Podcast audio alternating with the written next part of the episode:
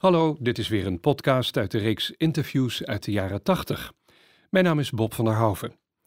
In die jaren 80 werkte ik als voorlezer en redacteur van een gesproken tijdschrift bij de Nederlandse Blindenbibliotheek in Den Haag. En voor dat tijdschrift ben ik regelmatig op pad gegaan om interviews op te nemen. Zo had ik op 9 mei 1983 een gesprek met de schrijfster Geertje Gort, die kort daarvoor met haar jeugdroman Filies de Jenny Smelik Kichenprijs had gewonnen. Een onderscheiding die tot doel heeft om boeken onder de aandacht te brengen waarin culturele diversiteit een belangrijke rol speelt. Geertje Gort was de eerste schrijfster die die prijs ontving. En tot de dag van vandaag wordt deze onderscheiding uitgereikt. De inleiding bij het gesprek werd destijds ingesproken door mijn collega Angel Witteveen.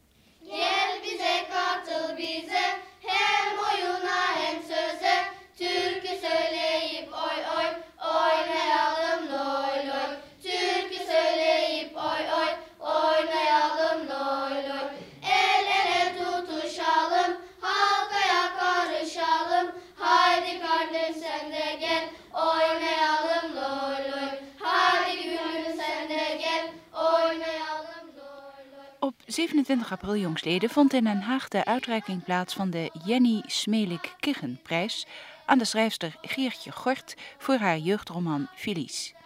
De prijs werd voor de eerste maal toegekend. De uitreiking werd verricht door minister Brinkman van WVC, die bij deze gelegenheid onder meer het volgende zei. Niemand, denk ik, zal eh, beweren dat schrijvers verdienstelijker mensen zijn dan lieden van de wetenschap. Die laatste zijn niet minder creatief, niet minder begaafd, niet minder ideeënrijk. Maar een werk van wetenschap mist in de regel wat een literair werk wel heeft. Literatuur kan ons ontroeren. Ik hoop dat de wetenschappers dat met me eens uh, zijn. Ontroering is een soort uh, geschenk. Het maakt ons warm en brengt ons terug tot ons in de dagelijkse sleur zo vaak verdrongen, weggedrukte volledigheid waarin we denkende, voelende, bewuste mensen zijn. En literatuur raakt zozeer het hart dat ik me kan voorstellen dat de lezer wil reageren en wil kenbaar maken hoezeer hij of zij persoonlijk en intiem bij de wereld van de schrijver werd betrokken. En is het dan niet meer dan natuurlijk dat de lezers dan als dank hun genegenheid en bewondering kenbaar willen maken? Dat lijkt me eerlijk gezegd een veel betere en veel aardige rechtvaardiging van de literaire prijs. En het is ook een uitleg van het belang dat men aan de literatuur hecht. Dames en heren, als we op die manier kijken naar de vele, vele prijzen op het gebied van de letterkunde voor volwassenen, dan komen de kinder- en jeugdboeken er maar bekaaid af. Dat is niet in overeenstemming met het grote belang van de kinder- en jeugdboeken.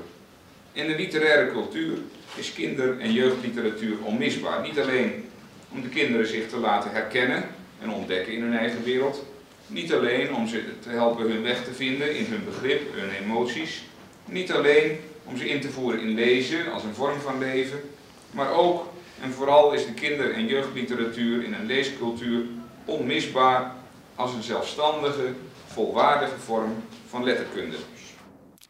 Nadat Geertje Gort de prijs in ontvangst genomen had, werden er Turkse en Nederlandse liedjes gezongen door een koor van Turkse en Nederlandse kinderen van de burgemeester Fokschool in Amsterdam. Ey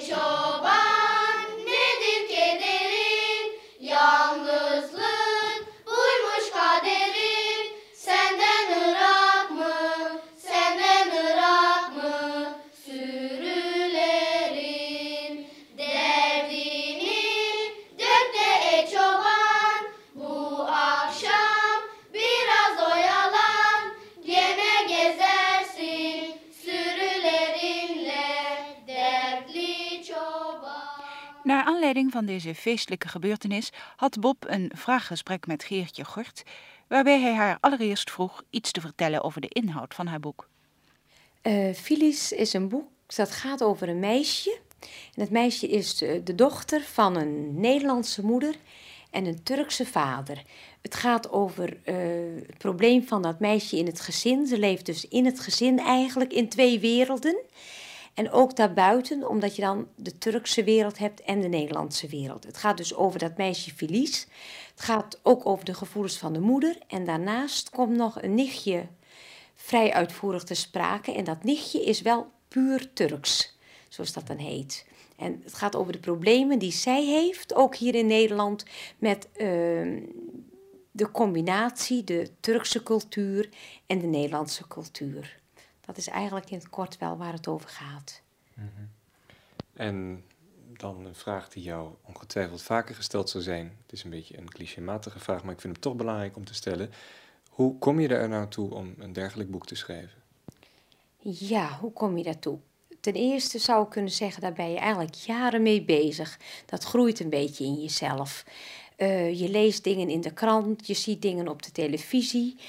Eh, het is natuurlijk zo dat er hier in Nederland al zo'n twintig jaar eh, buitenlandse werknemers, zoals dat vandaag de dag heet, wonen. Turken, Marokkanen, uh, Spanjaarden, Italianen, maar vooral ontzettend veel Turken. Uh, je leest daar veel over in de krant en je merkt dat er erg veel problemen ontstaan tussen de Nederlanders en de Turken, omdat ze eigenlijk niks van elkaar afweten. En daardoor ontstaan er veel misverstanden. En mijn ervaring is ook in, in andere situaties die je zelf meemaakt, dat uh, misschien zou je kunnen zeggen dat Nederlandse spreekwoord van wat de boer niet kent, dat eet hij niet. Dat is ook van toepassing op mensen die elkaar ontmoeten. Als ze niks van elkaar afweten, dan geeft dat argwaan, achterdocht, geeft misverstanden. En dat is eigenlijk de reden waarom ik Filies heb geschreven. Om de Nederlanders te laten zien, zo, zo zijn die Turken een beetje. En eigenlijk ook om de Turken te laten zien, zo zijn de Nederlanders een beetje. En dat is ook de reden waarom ik Filies, de dochter, heb laten zijn van een Nederlandse moeder en een Turkse vader. Mm -hmm. Zoals je zelf er net al opzomde, zijn er nogal wat verschillende buitenlandse werknemers in Nederland, ja. van verschillende nationaliteiten. Waarom heb je juist uh, voor een Turks gezin gekozen? Of in ieder geval een half Turks meisje in dit geval? Ja, nou dat is waarschijnlijk de hele simpele reden dat er bij mij in de buurt veel meer Turken wonen dan Marokkanen. En dat de Turken ook samen met de Marokkaanse groepering de grootste groep buitenlandse werknemers in Nederland weer vormen van dan die laatste twintig jaar. Dus afgezien van of je het nu hebt over uh, Chinezen die al veel langer in Nederland zijn, daar ken ik de aantallen ook niet van. En maar nu heb ik het echt over die golf buitenlanders die naar Nederland is gekomen in de zestiger jaren. En dat zijn vooral Turken en Marokkanen. En de Turken die wonen veel bij mij in de buurt. Dus dat is eigenlijk het had net zo goed een meisje kunnen zijn met een Marokkaanse vader en een, uh, en een Nederlandse moeder bijvoorbeeld. Dat is niet. Niet zo belangrijk eigenlijk. Alhoewel ik ook weer moet zeggen dat Turkije mijzelf wel erg aanspreekt. Ja, om een dergelijk boek te kunnen schrijven moet je toch wel het een en ander van de Turkse cultuur weten ook. Uh, hoe heb je nou op het schrijven van dit boek voorbereid? Ik uh, heb me hierop voorbereid ten eerste door uh, met veel Turkse mensen in Nederland te praten. Bijvoorbeeld met een maatschappelijk werkster die dus uh, ja, echt van beide kanten, zowel van de Nederlandse kant als van de Turkse kant, een heleboel kon vertellen. En ik ben natuurlijk in Turkije geweest. En dat was echt heel belangrijk. Want je kunt niet achter je machine zitten of achter je tafel met in je hoofd: het zal wel een beetje zus of het zal wel een beetje zo zijn. Dan moet je toch wel, wat dan met een duur woord couleur lokaal heet, uh, moet je wel proeven, vind ik. Je moet daar in die straatjes lopen en ruiken hoe het daar ruikt. Je moet de mensen zien lopen. Je moet zien hoe ze een arm om elkaar heen slaan, hoe ze met elkaar omgaan. Kortom, dat, dat vind ik wel heel belangrijk. Dat kun je niet uit je duim zuigen, bij wijze van spreken. Ja, en nou is dit uh, een boek dat uh, inmiddels bekroond is. Was het je eerste boek trouwens? Het was niet mijn eerste boek. Het was uh, voor deze leeftijdsgroep mijn tweede boek. En nou, dat is welke leeftijdsgroep? Dat is vanaf een jaar of 13, 14. Uh, dat is vrij laag gesteld, want ze moeten wel een beetje leeservaring hebben op die leeftijd, willen ze deze boeken kunnen lezen. Dus je kunt zeggen vanaf een jaar of 13, 14 en dan zover het gaat eigenlijk. Volwassenen kunnen het volgens mij ook lezen. Ja. Uh, vertel eens iets over die uh, boeken die voor Filies verschenen zijn. nou, ik kom van oorsprong, om dat maar even te vertellen, uit de journalistiek. En van daaruit zijn eigenlijk wat boeken ontstaan die half journalistiek, half het schrijven zijn. En dan eh, heb ik bijvoorbeeld een boekje geschreven dat heet Je zou ze opvreten. Dat heb ik geschreven toen mijn kinderen klein waren. En daar slaat die titel dan ook op. Dat gaat echt over de kinderen in de peuter- en de kleuterleeftijd. Ik heb een boekje geschreven dat heet Van maand tot maand. Dat gaat over alles wat er in de maanden van het jaar buiten de deur te zien is, wat er overal te beleven valt. Ehm, dan nog een boekje wat over kruiden gaat. Dus dat zijn echt die, zo kan ik nogal een paar noemen, maar dat is echt die journalistieke kant. Verder heb ik uh, vrij veel voor de lagere school geschreven.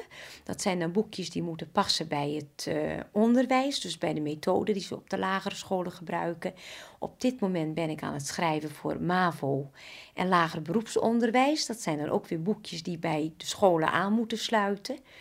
En dan dus uh, voor Filies het eerste jeugdboek, dat heet Koude Kermis.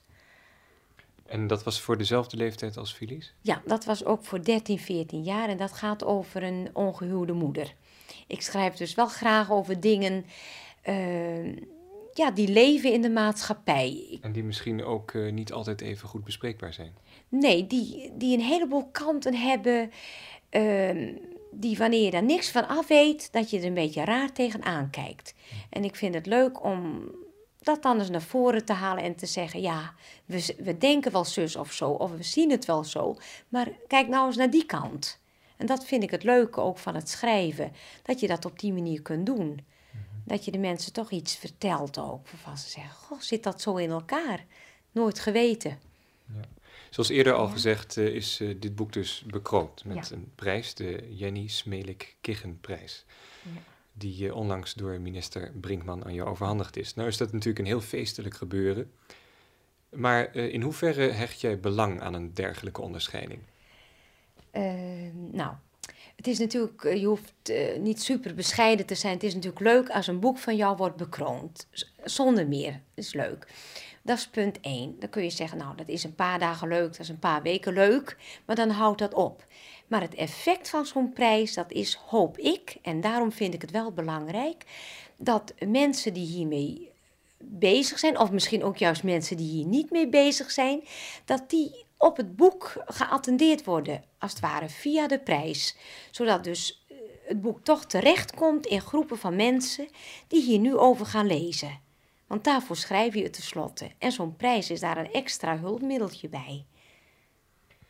Die uh, prijs is nu voor het eerst uitgereikt. Ja. Hè? Wat beoogt de jury die die prijs toekent met het geven van deze prijs? Het is de bedoeling dat de prijs voortaan ieder jaar gegeven wordt aan een illustrator of een auteur die zich speciaal richt op die minderheidsgroepen of, wat erg leuk zou zijn ook, of zelf uit die minderheidsgroepen komt.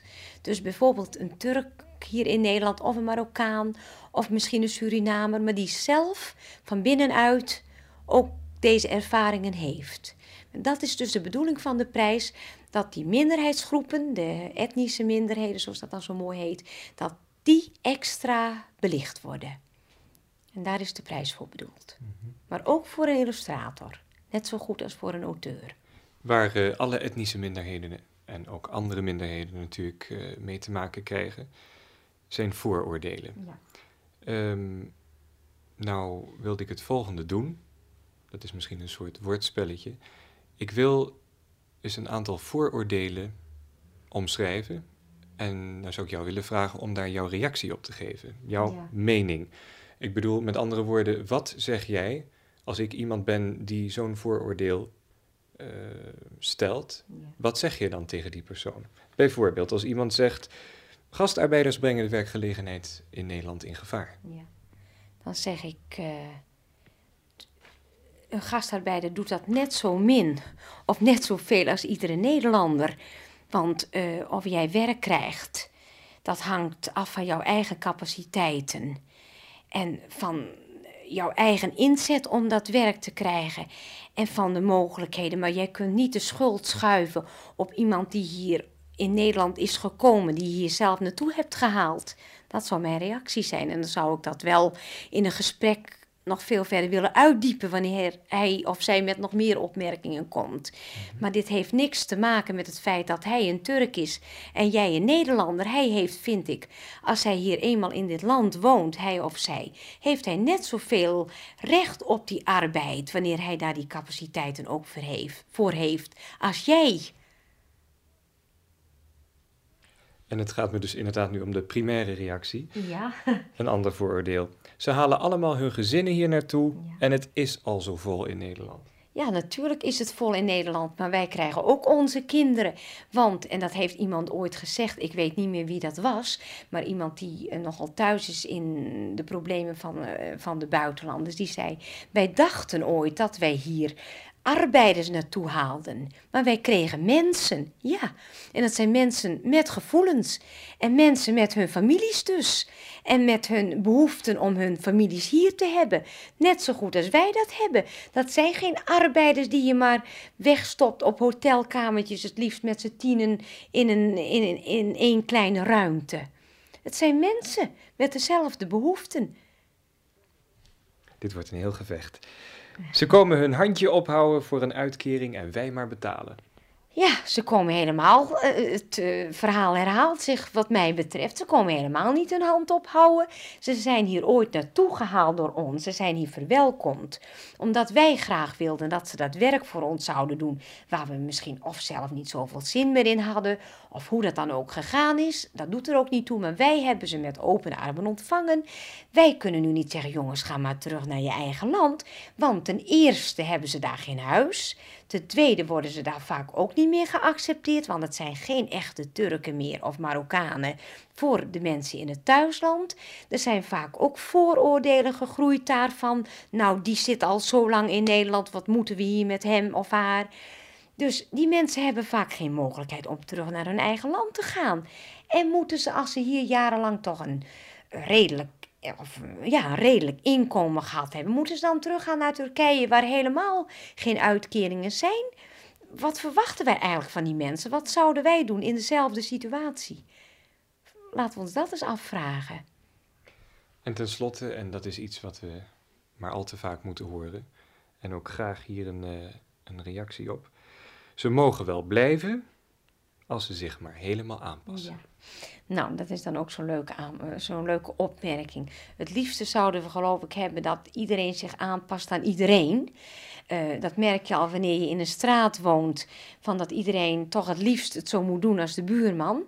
En ik vind, laten we toch alsjeblieft elkaar wat vrijheden gunnen. Rekening houdend met elkaar, natuurlijk. Want je hebt met je buren te maken. Je hebt met elkaar te maken. Maar laten we alsjeblieft een beetje tolerant zijn. En niet meteen roepen van hun eten stinkt of wat ook maar. Want vaak als we het een keer geproefd hebben. En weten waarom het een andere geur heeft dan dat van ons. Dan zeggen we nou, het stinkt helemaal niet. Omdat we op dat moment weten waar die geur vandaan komt. En dus het enige wat ik hierop wil zeggen is van, laten we toch alsjeblieft dus een beetje accepteren dat Jantje verschilt van Pietje en Pietje van Henkie. En dat geldt inderdaad voor iedereen, zowel voor de buitenlanders als voor, voor ons. En dan wil ik geen verschil maken van of dat nou mijn buurman is uh, die de Vries heet, of mijn buurman die misschien RR heet. Goed, tot zover dan de vooroordelen. Uh, wat voor maatregelen zou de overheid volgens jou moeten nemen om de situatie van de buitenlandse werknemers in Nederland en hun gezinnen te verbeteren? Nou ja, maatregelen. Ik denk, uh, als je er al van uitgaat dat iedere buitenlander dezelfde rechten heeft als de Nederlanders, dat er helemaal geen maatregelen hoeven te komen maar dat ze gewoon op dezelfde dingen kunnen rekenen. En dat je dan ook niet meer gaat praten van wat, wat moeten we met die buitenlanders. Maar dat je ze gewoon als mensen bekijkt. En dat het dan vanzelf komt zoals je bekijkt. Wat doen wij. Uh, ja, dat, dat is ook met gehandicapten. Zo wordt altijd in een bepaald hoekje gestopt. En dat is volgens mij niet nodig. Wanneer je ze gewoon als Nederlanders gaat bekijken of ze nu wel of niet, niet genaturaliseerd zijn, maar ze gewoon als Nederlanders behandelt, dan hoef, hoef je niet te praten over maatregelen. Dan kun je wel rekening houden met, misschien moet voor zo'n Turks gemeenschap een andere faciliteit komen dan bijvoorbeeld voor de Nederlanders. Dat vind ik heel andere dingen. Maar niet iedereen in hokjes stoppen en daar speciale dingen voor bedenken. Ik geloof dat dat ook niet nodig is. En vooral luisteren naar de buitenlanders wanneer ze specifieke vragen hebben of wensen. Dat je er nou luistert en zegt, nou, kunnen we daar rekening mee houden? En kan dat niet, dan geloof ik ook niet dat dat altijd zo nodig is. Maar het wordt altijd zo in bepaalde vakjes geduwd en in, ja, met bepaalde dingen omgeven. Oh, deze mensen zijn zus en die zijn zo. En daardoor wordt het ook altijd zo opgeschroefd allemaal, denk ik. Ja? Ik merk wel aan je hele manier van reageren Ja. op de vragen en vooral ook op de vooroordelen, dat je hier duidelijk emotioneel bij betrokken bent. Daar wil ik deze vraag aan verbinden.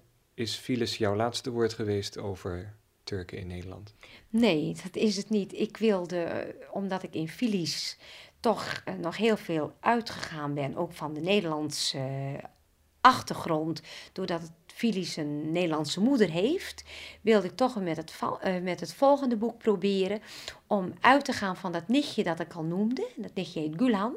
En mijn volgende boek zal gaan over Gulan. En om te kijken hoe stelt zij het nu als helemaal Turkse in Nederland. Dat is mijn bedoeling. Wij wachten met spanning het resultaat af, Geertje. Hartelijk bedankt voor dit gesprek. Tot je dienst, dankjewel.